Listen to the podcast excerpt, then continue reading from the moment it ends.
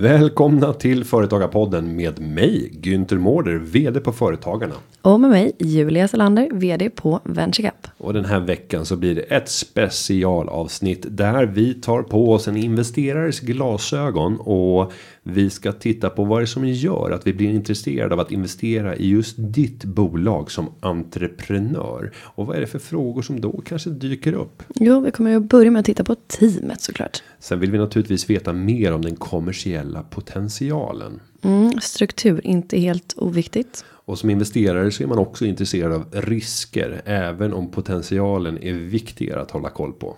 Och så den mest intressanta delen, värdeskapandet. Varför ska man gå in i det här bolaget eller inte? Vad finns i the magic box? Exakt. Och kanske viktigast av allt, vilken personlighetstyp hade de här olika delarna varit på en fest? För livet är en fest och så även företagandet, eller hur Günther? Så är det. Det här är ett sommarspecial av eh, Företagarpodden. Välkomna hit. Vi kommer att fortsätta sända hela sommaren lång. Varje onsdag, ibland lite tidigare, kanske redan på tisdag. Ja. Kan det komma ett avsnitt. Och med det så sparkar vi igång dagens föreställning.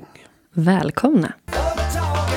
Ja Julia, nu har vi ju ingen aning om hur senaste veckan har varit. För att vi spelar in det här innan senaste veckan har varit. Ja, vi kör ju lite sommarspecial så vi matar ju på här. Eh, Vi kommer finnas med er hela sommaren. Så vi utkommer med ett nytt avsnitt varje onsdag. Senast ibland även 20 eh, släpper vi det på tisdag. Men om du ska få gissa och summera din senaste vecka. Hur har den varit? Jag tror- Juliveckan. Ja, jag tror att den här veckan som då har gått har varit. Hmm. Jag har ju då kommit hem från Almedalen, antagligen väldigt glad i själen. Jag har eh, påbörjat min semester. Jag har en liten mellanperiod innan jag ska åka till Spanien i tio dagar och hyra ett hus med massa vänner. Så att jag, jag är nog hemma i Stockholm och njuter den här veckan och bara. Gör Stockholms eh, natten en del? Ja, det brukar jag ju göra. Ja, Så det är och kanske ovanligt. ännu mer eh, i mitten av juli. Ja, men jag tror att jag försöker ha så här, inte ha panik för att jag är i stan och det är inte så många här. Men att jag använder min cykel, åker och badar mycket, tränar mycket och eh, ja, säkert är ute en del på natten också. Sen tänker jag så här att om man gillar slösad krona eh, så är det ett bra tillfälle att passa på under den här perioden och tänka att jag får i alla fall lite sparad krona till följd av mitt slösande. Eh, Just nu och de två kommande veckorna så brukar det vara rätt extrema reor. Eh, Och det är fortfarande rätt hög kvalitet på reorna. För att eh, butikerna är normalt sett väldigt tomma. Eh, Och samtidigt så har de öppet och man börjar avsluta och vill re rea ut allting som hör sommaren till. Sen börjar ju höstgrejen att trilla in redan i början av augusti. För vissa till och med ännu tidigare. Men just den här perioden brukar vara, vara väldigt spännande att botanisera i butiker. En eh, Günther Mårder köper ju aldrig kläder i säsong utan tvärtom. Du köper Alltid ju vinterkläder på, på, på Alltid, sommaren. en, min, alltid minst en säsong efteråt. Ja, eller före beroende på hur man ser det. Ja, Ja, ja, så kan det vara. nej men vad, jag, jag mår nog väldigt bra just nu tror jag. Jag, känner, jag känner det redan nu. Det är härligt och framtidsplaner. Du då? Eh, Min semester har börjat idag när det här Oj. sänds. Oj. Och eh, det börjar med att jag har avslutat Båstad kapitalmarknadsdagar. Eh, jag hade äran att få komma dit förra året och vara konferencier och moderator för de här kapitalmarknadsdagarna. Det är två dagar till antalet, det är 12 noterade bolag på plats. Jag intervjuar deras vd, har paneldiskussioner och sen på kvällen brukar det vara en middag där jag plockar upp eh, alla, ja senast var det, jag vet inte om det var alla, men det var i alla fall tre stycken som eh, var miljardärer som har minst 10 miljarder. Alla som har minst 10 miljarder får upp på scen nu. Eh, men det är rätt häftigt. Där hade vi både Sven-Olof Johansson, fast partner. Vi hade Erik Selin från Balder. Och naturligtvis Erik Paulsson, the man, the myth. Som eh, är pappa till hela kapitalmarknadsdagarna. Och där har vi kört, eh, och det ska vi göra i år igen då, ett drinking game. Och det här är ganska roligt. Då har de fått varsitt glas vin och står på scen. Ett glas rött och ett glas vitt. Och vi pratar rejäla pokaler, för det behövs. Och sen så ställer jag frågor kopplat till marknad, ekonomi. Där de antingen ska svara ja, vitt vin. Eller nej, rött vin. Sen borde man ha något slaskigt däremellan inser jag också. Det här är ju en lek helt i min men det är väldigt roligt. Och så ser man då tre stycken extremt framgångsrika affärsmän som står på scenen och häller i sig vin samtidigt som de ska svara på ganska kvalificerade frågor kopplade till ekonomi och marknad. Och stämningen är jättehög bland de här 200 deltagarna. Analytiker och bankfolk och investerare. Rolig kontrast, vad kul. Ja, så att det har jag precis avslutat. Du har haft en god vecka. Ja men det är, det är Sannolikt. sommar och sol, ut och inne, solsinne som man säger. Mm. Det är också högsäsong för att eh, fundera på sina företagsidéer som har legat lite marinad men inte riktigt hunnits med kanske. Nej, och vi har fått en fråga som jag tänkte att det här passar bra att djupdyka i nu.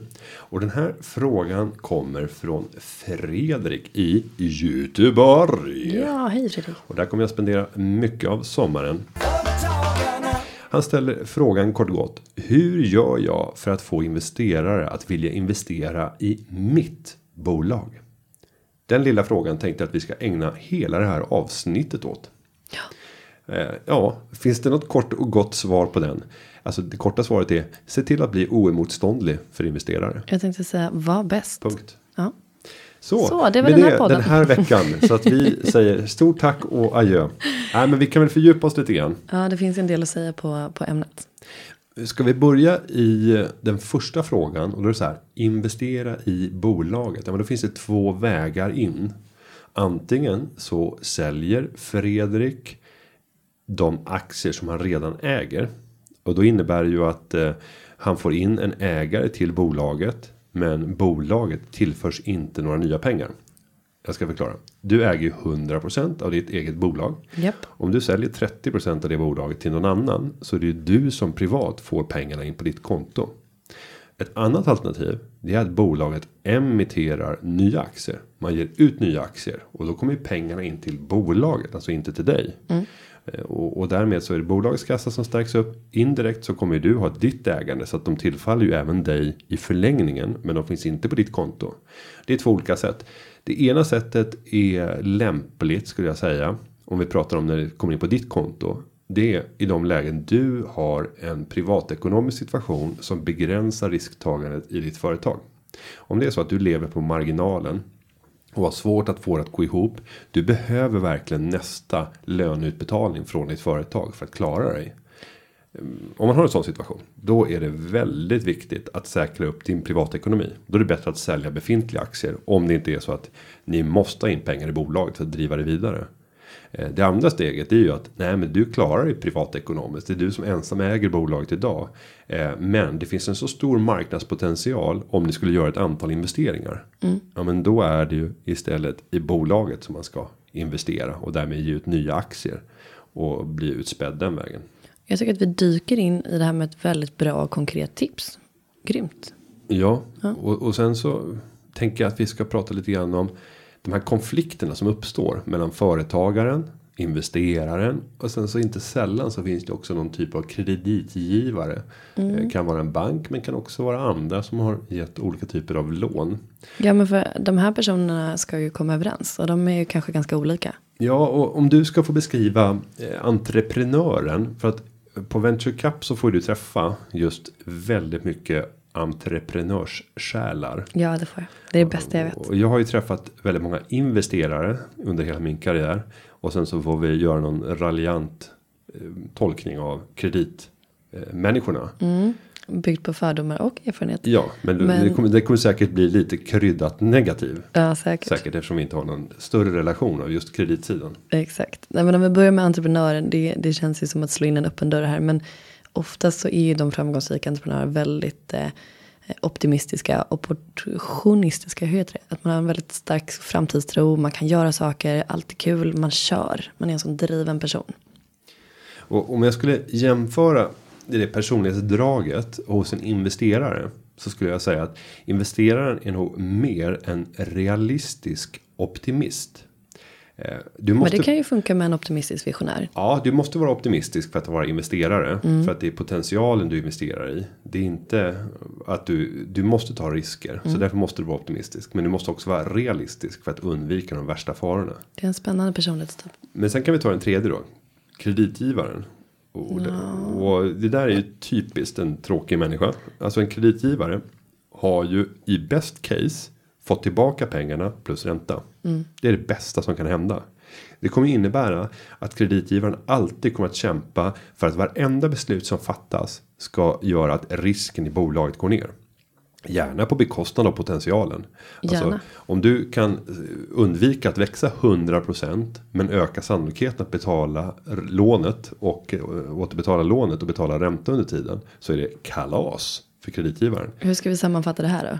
Att det blir redan nu kan ni förstå att det blir en enorm konflikt här mellan de här tre grupperna. Entreprenören och företagaren, investeraren och kreditgivaren. Och de här ska någonstans mötas oftast. För du ska, du ska säkert ha en checkräkningskredit. Du vill ha en extern investerare för du behöver kapital.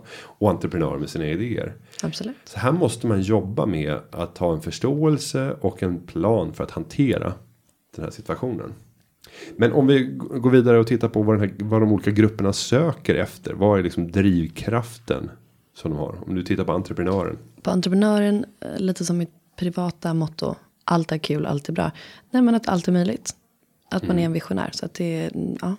Och, och ska man titta på investeraren så skulle jag vilja fokusera på den ekonomiska potentialen.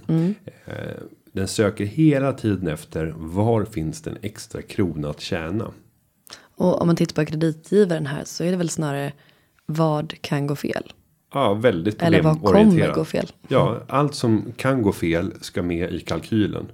Eh, och, därefter ska vi prissätta och säga ja eller nej. Och därför säger vi oftast nej till att ge krediter. För det finns så mycket elände och skit som kan hända. Och även där då så ser man att det är väldigt stora skillnader mellan Mm. entreprenören, investeraren och kreditgivaren. Och i de flesta fall så ska de samverka. Om vi går vidare och funderar över vad är deras önskan och dröm.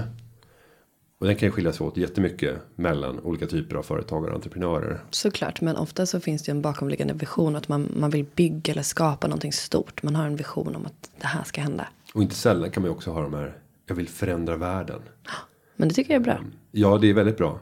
Men om vi tittar på andra eh, grupper. Så kreditgivaren är ju inte så här. Jag vill förändra världen. Så bara, jag vill ha tillbaka mina pengar plus ränta. Jag vill minimera risk. Det är mitt enda intresse. Åh herregud. Och investeraren då?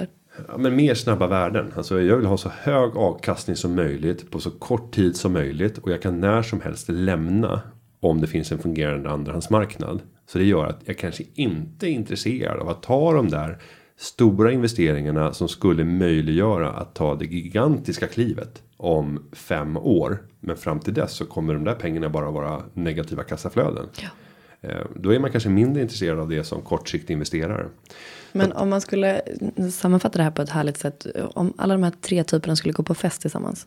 Ja, vilken fest. Och jag menar så här är det ju. Eh, de här, det här är ju människor som möts på festen. Jag kommer ju från Bå- Båstad nu och de här grupperna har ju förekommit på festen. För det är fester på kvällen där på kapitalmarknadsdagarna. Och Om vi börjar med, med entreprenören och ska beskriva det som någon på festen. Vem skulle du peka ut? Ja, antagligen mest roligt den som har styrt upp och fixat festen. Den som fixar festen. Ja. Eh, och då ska jag ta investeraren och ska jag vara positiv där. Så ska jag säga att ja, men den som höjer stämningen. Som gärna kommer in och liksom skålar i champagne, dansar på borden. Och håller hov på festen som gäst. Älskar sådana personer. Och, och sen har vi kreditgivaren. Ja, det är väl snarare den som eh, ja, sabbar festen. Som är lite neggig, står i ett hörn och dricker Det är så himla hög gratis volym. Det är en otrolig risk. För Man att man kan kan faktiskt få inte hörsel, prata här inne. Man kan få hörselskada. Man hör inte vad de andra säger. Så att man kan inte föra ett, en vettig konversation. Vad är brandutgången? Ja, Mm. nej, men där har du den som bara fokuserar på riskerna. Men skämt åsido, alla de här behövs ju. Och när man pratar om företagande och team så brukar man ju säga att det är bra om man har olika typer av personligheter och erfarenheter. Och det är lätt att säga i teorin, men när man väl ska få det att funka i praktiken så, så kan det bli lurigt. Men ett grundtips att ta med, givet att vi vet nu att det är tre helt olika personlighetstyper som ska mötas för att finansiera en verksamhet och få det att, att funka. Så måste man också ha tre helt olika presentationer om man ska möta de här grupperna. Så ska du presentera ditt bolag för en annan entreprenör som du hoppas få med dig på resan. Ja, då ska du vara dig själv och presentera precis allt är möjligt, den här potentialen, fixa festen. Står du med investeraren, ja men då är det att hela tiden presentera potentialen. Visa upp hur ni kommer att kunna realisera den. Hur, hur teamet kommer att kunna skapa det. Är det med kreditgivaren, då är det en tredje presentation som fokuserar på helt andra saker. Där ska du skära bort väldigt mycket av den fantastiska potential som du vill måla upp. För den är oftast förbunden med väldigt mycket risk att ta sig dit. Utan då är det bättre att bara visa upp kassaflödesgrafer och visa varje enskild månad och visa att det är extremt stabilt. Och vi kommer ha förutsättningar att ha väldigt fina kassaflöden och det som naturligtvis kommer att betalas först det är räntor. Eh, det är det viktigaste för oss. Det är därför vi driver den här verksamheten. Det är för att amortera och betala våra räntor. Så bara, ja, det är bra, det är bra. Nej, men jag har erfarenhet själv när jag sitter med de här olika grupperna. Eh, att presentera samma bolag på helt olika sätt. Och entreprenören som lyssnade på vilken potential som fanns. Hade inte ens känt igen sig när man beskriver samma bolag mot en grupp kreditgivare. Det här är ju guld om man har möjlighet att hålla koll på det här. In- Inte bara när man säljer till de här typerna av personer utan även till kunder. Gör lite research innan såklart. Det här är ju som sagt inte heller något revolutionerande tips. Men det är så otroligt viktigt att tänka på vem man säljer till. Alltså ska jag sälja venture till eh, en högt upp, uppsatt marknadschef så går jag gärna- in och letar lite på internet och ser om det är en, en mer entreprenöriell marknadschef som är lite visionär och lite skön. Eller om det är någon annan typ. Och det är som du säger, det är vitt skilda presentationer. Det kan slå helt fel. Nej, och att eh, liksom all den här, det du säger här är ju att kolla upp de du ska möta. Gör din bakomliggande analys av personerna för att kunna ha rätt tonalitet. Och det kan inte nog understrykas. Det handlar ju om samma sak när du ska ut och träffa potentiella kunder. Att hela tiden ha mer information om hur ska jag möta den här målgruppen för att bli framgångsrik. Ja, men lägga steget före att vara förberedd. Eh, Och det, ett, ett tips där på några som försöker ligga steget före. Det är våra politiker. När de ska ut och tala så vill ju de att det i ett sånt sammanhang ska vara så att ministern oftast kommer ut väldigt väl. Och då ska du titta på de listor som planeringschefer har. Om du har planeringschefen för, för statsministern. Jag tror att hon heter Jeanette.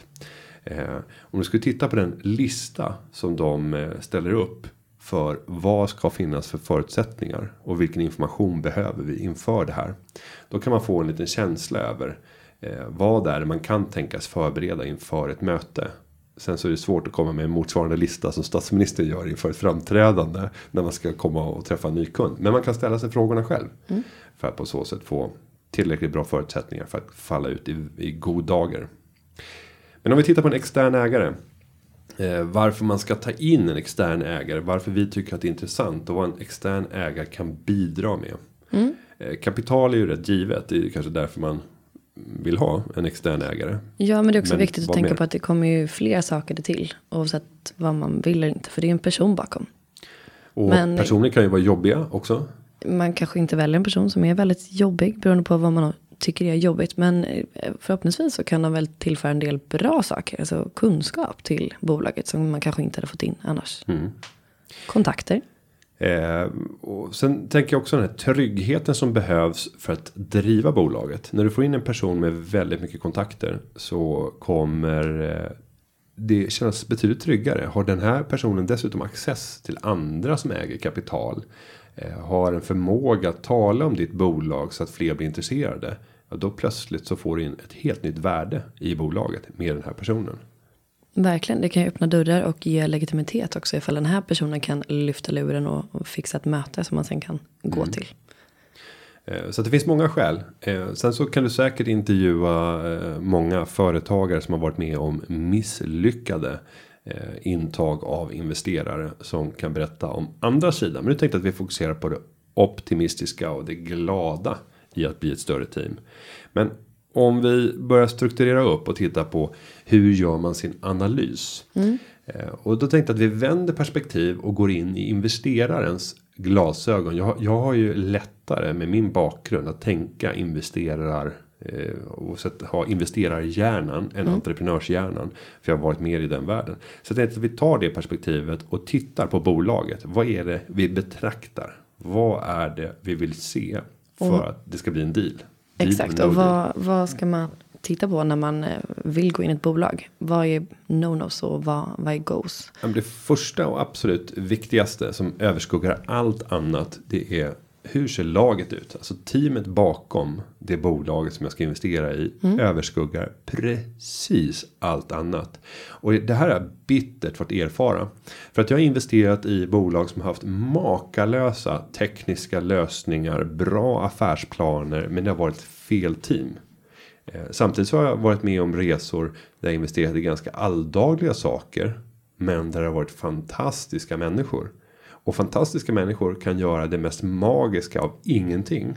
Men det går aldrig vice versa. Så jag brukar säga att jag köper hellre, jag tror att Warren Buffett säger samma sak. Jag köper aldrig ett bolag i, eh, eller investerar i ett bolag. Med en briljant affärsidé. Men med ett dåligt team. Jag köper hellre i aktier i ett bolag med en dålig affärsidé. Men ett briljant team. Absolut. Sen Och det- helst av allt så vill man ju ha både briljant affärsidé och team. Nej, men jag hör det här, jag har också sagt de här orden själv. Men jag tänker om man drar det lite längre. Ofta så brukar ju de här fantastiska teamen. De brukar ju ha ganska bra saker för sig. För att de har kul och är motiverade och trivs tillsammans och skapar magi. Så det är ju väldigt sällan skulle jag säga som man faktiskt möter riktigt grymma team med riktigt dåliga affärsidéer. Utan det är, men börja titta på teamet i alla fall. Det är en, det är en, bra, en bra grund. Ja, vi kan fördjupa oss strax. Men sen naturligtvis tittar ju jag på kommersiella potentialen. Jag vill se på struktur, ordning och reda. Alltså hur ser processerna ut inom bolaget. Jag vill titta på riskfaktorer och hur duktiga bolaget har varit på att analysera vilka risker man har. Och sen så vill jag naturligtvis få en full förståelse för värdeskapande processen. Och där kan du säga affärsmodellen. Hur ser den egentligen ut? Vad är det vi spottar in och vad är det som kommer ut? Och vad är det vi kan ändra? Eh, men vi kan väl börja med att resonera ytterligare kring teamet. Och hur beroende vi är av, av teamet. Vad är det du tittar på om vi tittar på alla de bolag som kommer in i Venture Cup och tävlar? Ja, men förutom att de ska ha ett know-how i det de faktiskt vill sälja så känns det som att eh, ja, är man fler än en, vilket man oftast är, så måste man titta på hur kompletterar de varandra. Vad har de för driv? Vad är deras motivation? Vad har de för bakgrund och erfarenhet? Och, ja, men också att man ska vilja ha med dem att göra skulle jag säga. För att ska du gå in i ett bolag och investera så kommer du att bli utsatt för de här personerna vare sig du vill eller inte. Och då ska det funka. Och jag tycker under en process där man ska ta in en ny investerare. Jag har ju själv gått in som investerare i, i onoterade bolag. Och i de lägena så brukar jag vilja att det tar lång tid. Och det där kanske är motsägelsefullt. För annars så säger man att fatta beslut, gör det snabbt, exekvera. Men jag tycker att det är som en process. Det är lite som ett äktenskap. Att bara kasta sig in i det är lite dumt. Det är bättre att känna sig för. Sen är jag lite dåligt exempel eh, på just den fronten känner jag. Eh, Men, men Finns det en spännande historia där jag hör någon annan gång? ja, det får bli denna gång.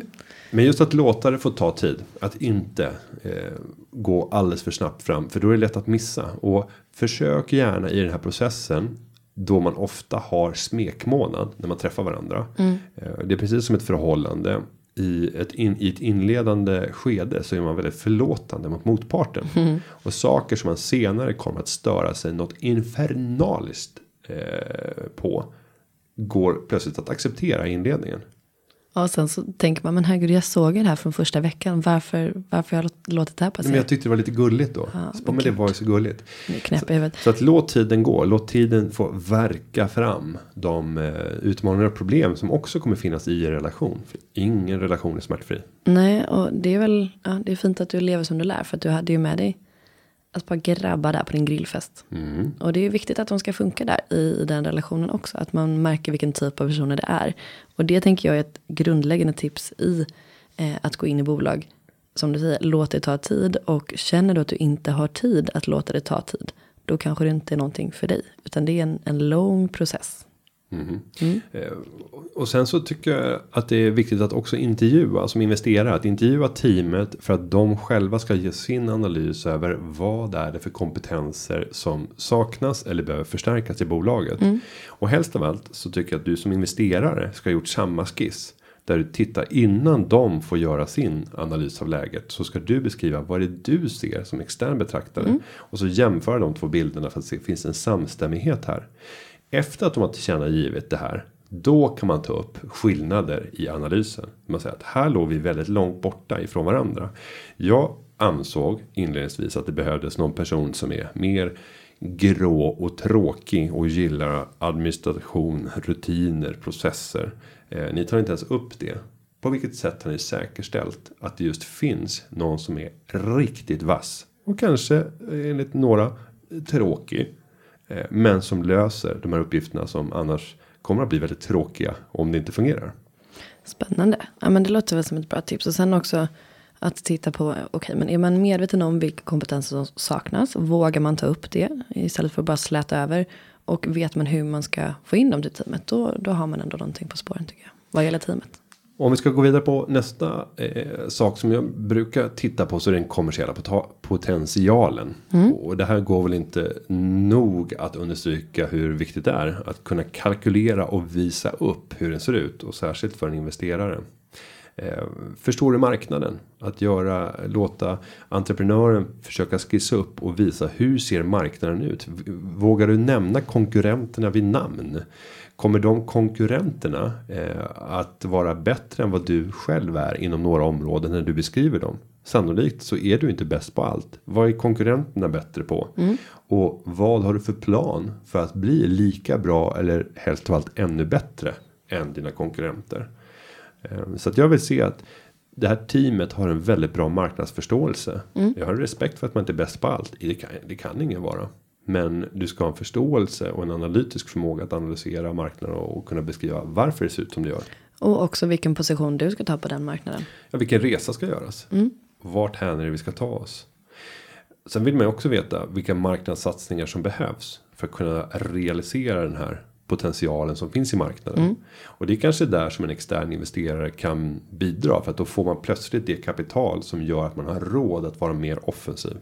Eh, men eh, ja, kommersiella potentialen är viktig. Mm, det här med struktur då? Ja, nu kommer vi in på de där tråkiga delarna. Och det är väl varken din eller min paradgren. Åh, ja. ja. Ändå så sitter vi här som vd. Nej, ja. men Struktur, ordning, reda. Jag brukar sammanfatta det med RRR. Eller RRR. Rutiner, riktlinjer, ramverk.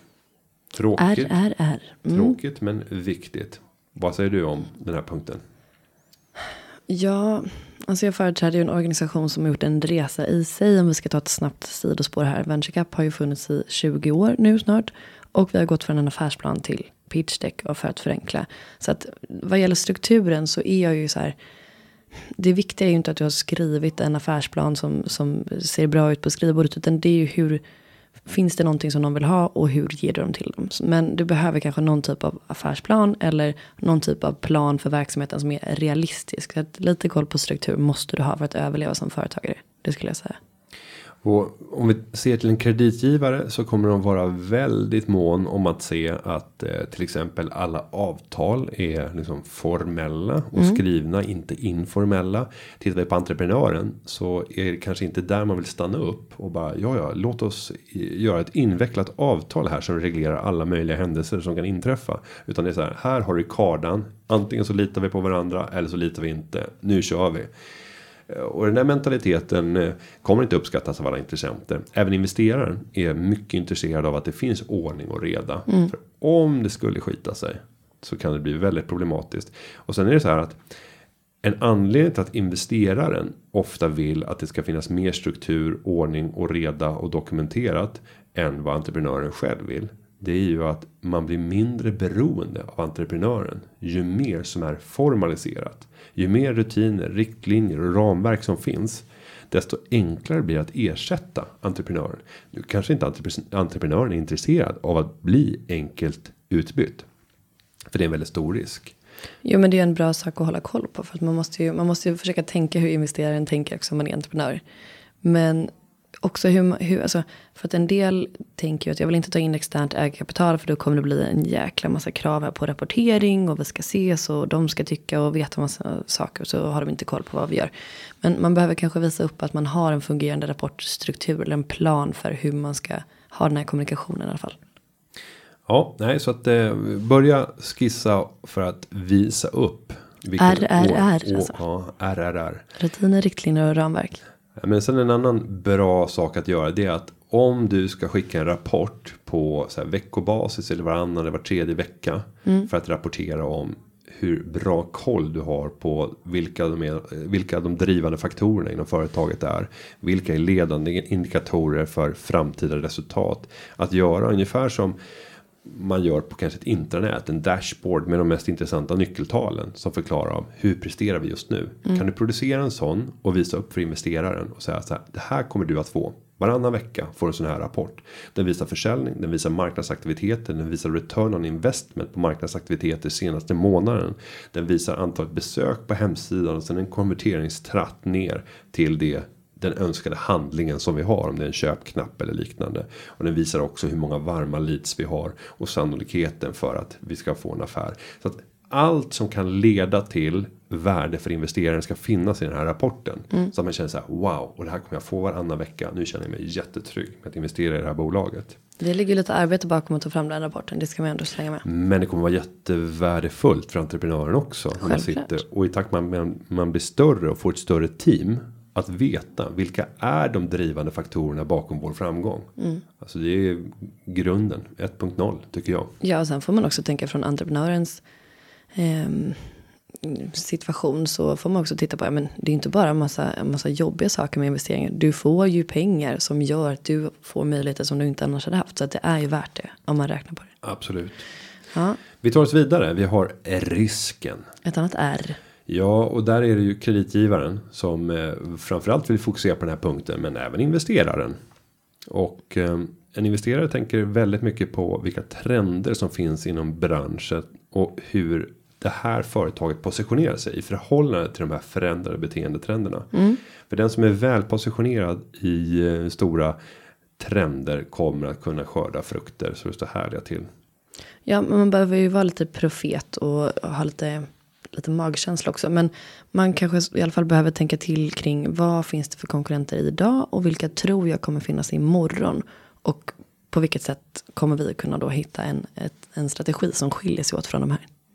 Nej, och en annan sak som man kan ägna sig åt och göra en övning. Det har jag tagit upp i tidigare avsnitt också. Men utifrån en investering. Att visa vilka är de största riskerna som kan inträffa i det här bolaget. Vad är de största händelserna som skulle kunna ske av negativ karaktär. Och sen på rita in dem på eh, en, en X-linje till exempel. Sen tar du på en Y-linje. Så plottar du in hur sannolikt är det att det här skulle inträffa. Och då kan man börja med de som skulle med hög sannolikhet kunna inträffa. Och även skulle innebära en stor konsekvens för bolaget. Så att man har en hyggligt bra koll över vad kan inträffa och hur sannolikt det är att det här kan inträffa. Och vilka åtgärder kan man vidta för att minimera den här händelsen. Kan vara så här, men hur sannolikt om vi tar det i vårt privata jag. Hur sannolikt är det att eh, det huset som du bor i brinner upp. Och hur sannolikt är det att det huset som jag bor i brinner upp. Jag ska säga att faktorn är fem gånger högre eller kanske tio gånger högre i mitt hus än vad det är i ditt hus. För du bor i en lägenhet i stan, jag bor i en egen villa. Eh, om det skulle brinna upp, är det beroende av mig eller är det beroende av någon annan? Och i, Ja. och i ditt fall så är det högst osannolikt att det skulle bero av mig. För det skulle innebära Det skulle vara väldigt att, obehagligt. Att det var jag som hade tänt eld på huset. Ja, Men det, men det kan ju hända. Men jag tänker också att jag ska lägga in i den här kalkylen. Jag har ju säkert fler tanter som glömmer spisen på hos mig än vad du har. Jo, men jag tänker att huset är också byggt på ett sånt sätt att det inte kommer att ta fyr på samma sätt som i trähus från 1921 där allt är trä. Så underbart. Men även stenhus brinner. Men det, det jag vill komma åt lite grann är den här sannolikhetsbedömningen. Så att det vi skulle landa i just det här brandcaset. Det är att ja, sannolikheten är mycket högre att det kommer att hända någonting hos mig. Det är också mycket mer sannolikt att det är jag eller någon i min närhet som har orsakat det som gör att huset brinner upp. I ditt fall så kommer det, det kanske är 50 andra som bor i huset. Så i 49 fall av 50 så borde det statistiskt vara någon annan som har orsakat helvetet. Så att det är svårare för dig att genom personliga handlingar och förändrade i mönster minska sannolikheten för att det ska inträffa. Så det jag vill säga med det här är väl egentligen att ja, men det finns olika typer av risker beroende på vilket bolag det är. Men det är bra om du kan tänka igenom de, de mest grundläggande. Sen tycker jag också att ska du presentera för en investerare så kanske du inte ska börja med det här är de 50 största riskerna. Och så går man in i detalj i det. Utan du behöver visa att du har koll. Men eh, det ska inte gå överstyr heller. Att du, du är liksom någon domedagsprofet i ditt eget företag. Nej, utan det är snarare när du möter kreditgivaren. Du ska ha checkräkningskrediter från banken. Exakt. Och bara visa exakt vad du kommer vidta för åtgärder när respektive händelse inträffar. Och sen har du procentsats på sannolikhet för att det ska ske. Finns med. Och sen får den gärna vara låg då. Ja. Ja, vad tråkigt. Eh, om vi eh, ska avsluta med den sista punkten, värdeskapandet. Mm. Eh, där vill jag se the magic box, where magic happens. Du kastar in någonting, ni arbetar, gör någonting med era händer, med era hjärnor, med era datorer. Och investeraren kastar in kapital i det här. Och så händer det någonting som gör att det kommer ut mer pengar än vad som har stoppats in i form av arbete och kapital. Och det är den där magiska boxen som jag vill se. Hur funkar den? Hur välsmord är den? Hur väl förberedd är den för framtiden? Hur tänker du kring boxen? Ja, men också som investerare titta lite grann på hur, om det finns en policy för utdelning och vilka exitmöjligheter som kommer att finnas på längre sikt och hur man resonerar kring det.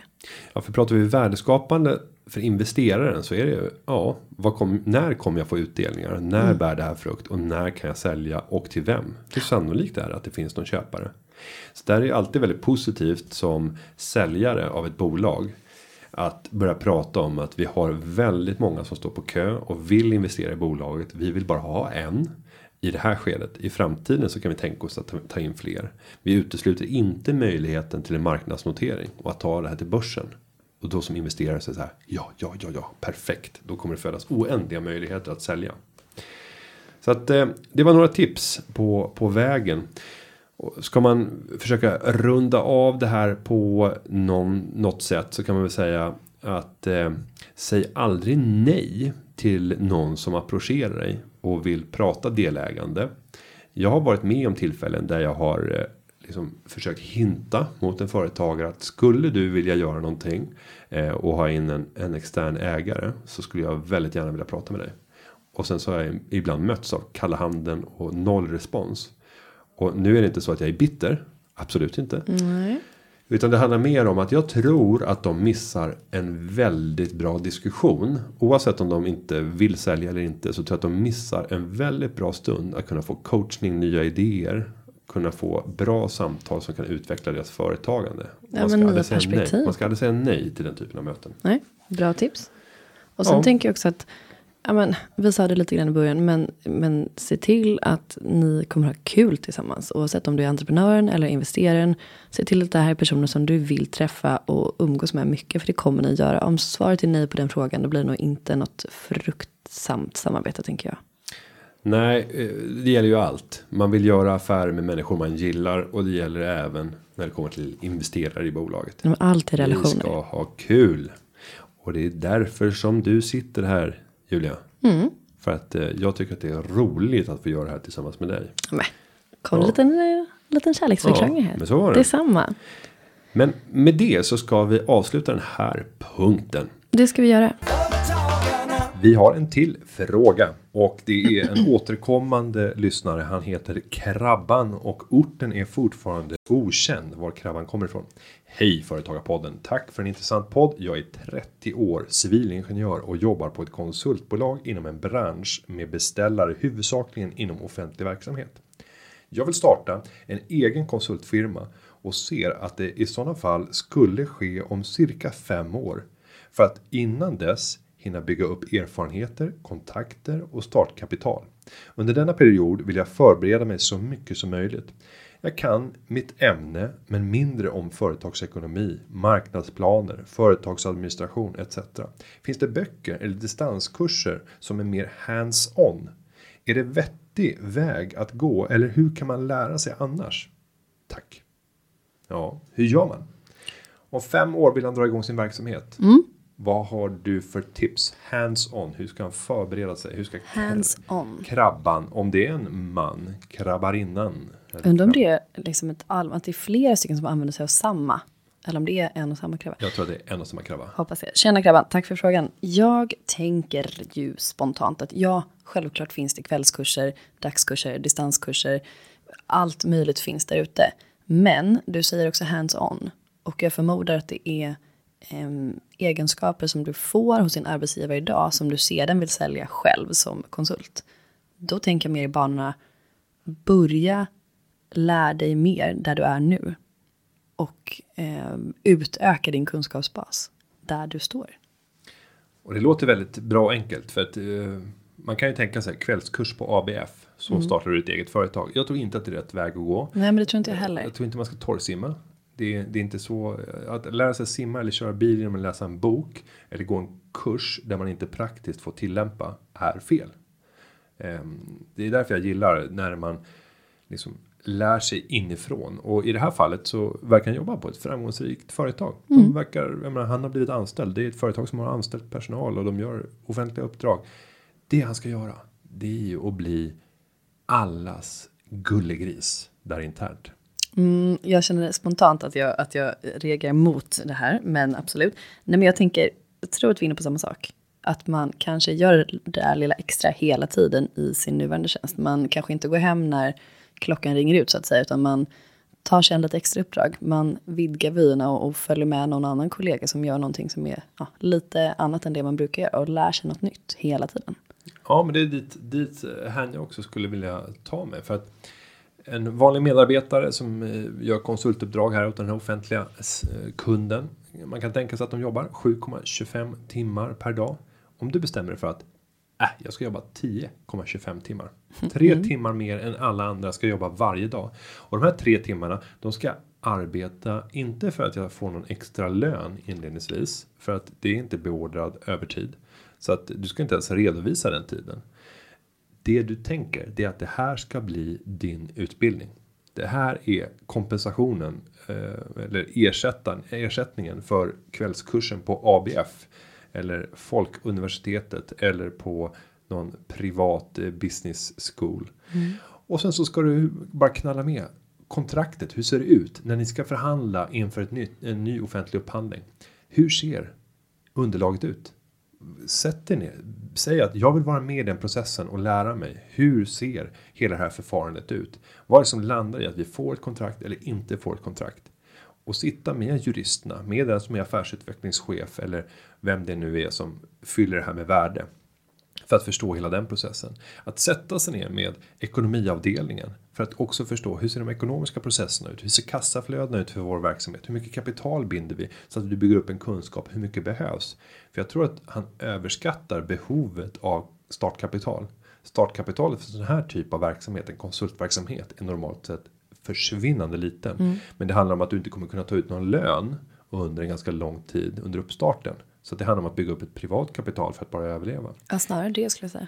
Ja, och sen så handlar det om att häng med alla i ledningen. Fråga, finns det någonting jag kan hjälpa till med? Jag vill lära mig så mycket som möjligt när jag är här. Jag står beredd att jobba extra, men inte behöva ersättas för det. Alltså folk kommer älska dig. Du kommer vara den där som bara shit, det där är vår framtida chef. Han ska eller hon ska befordras.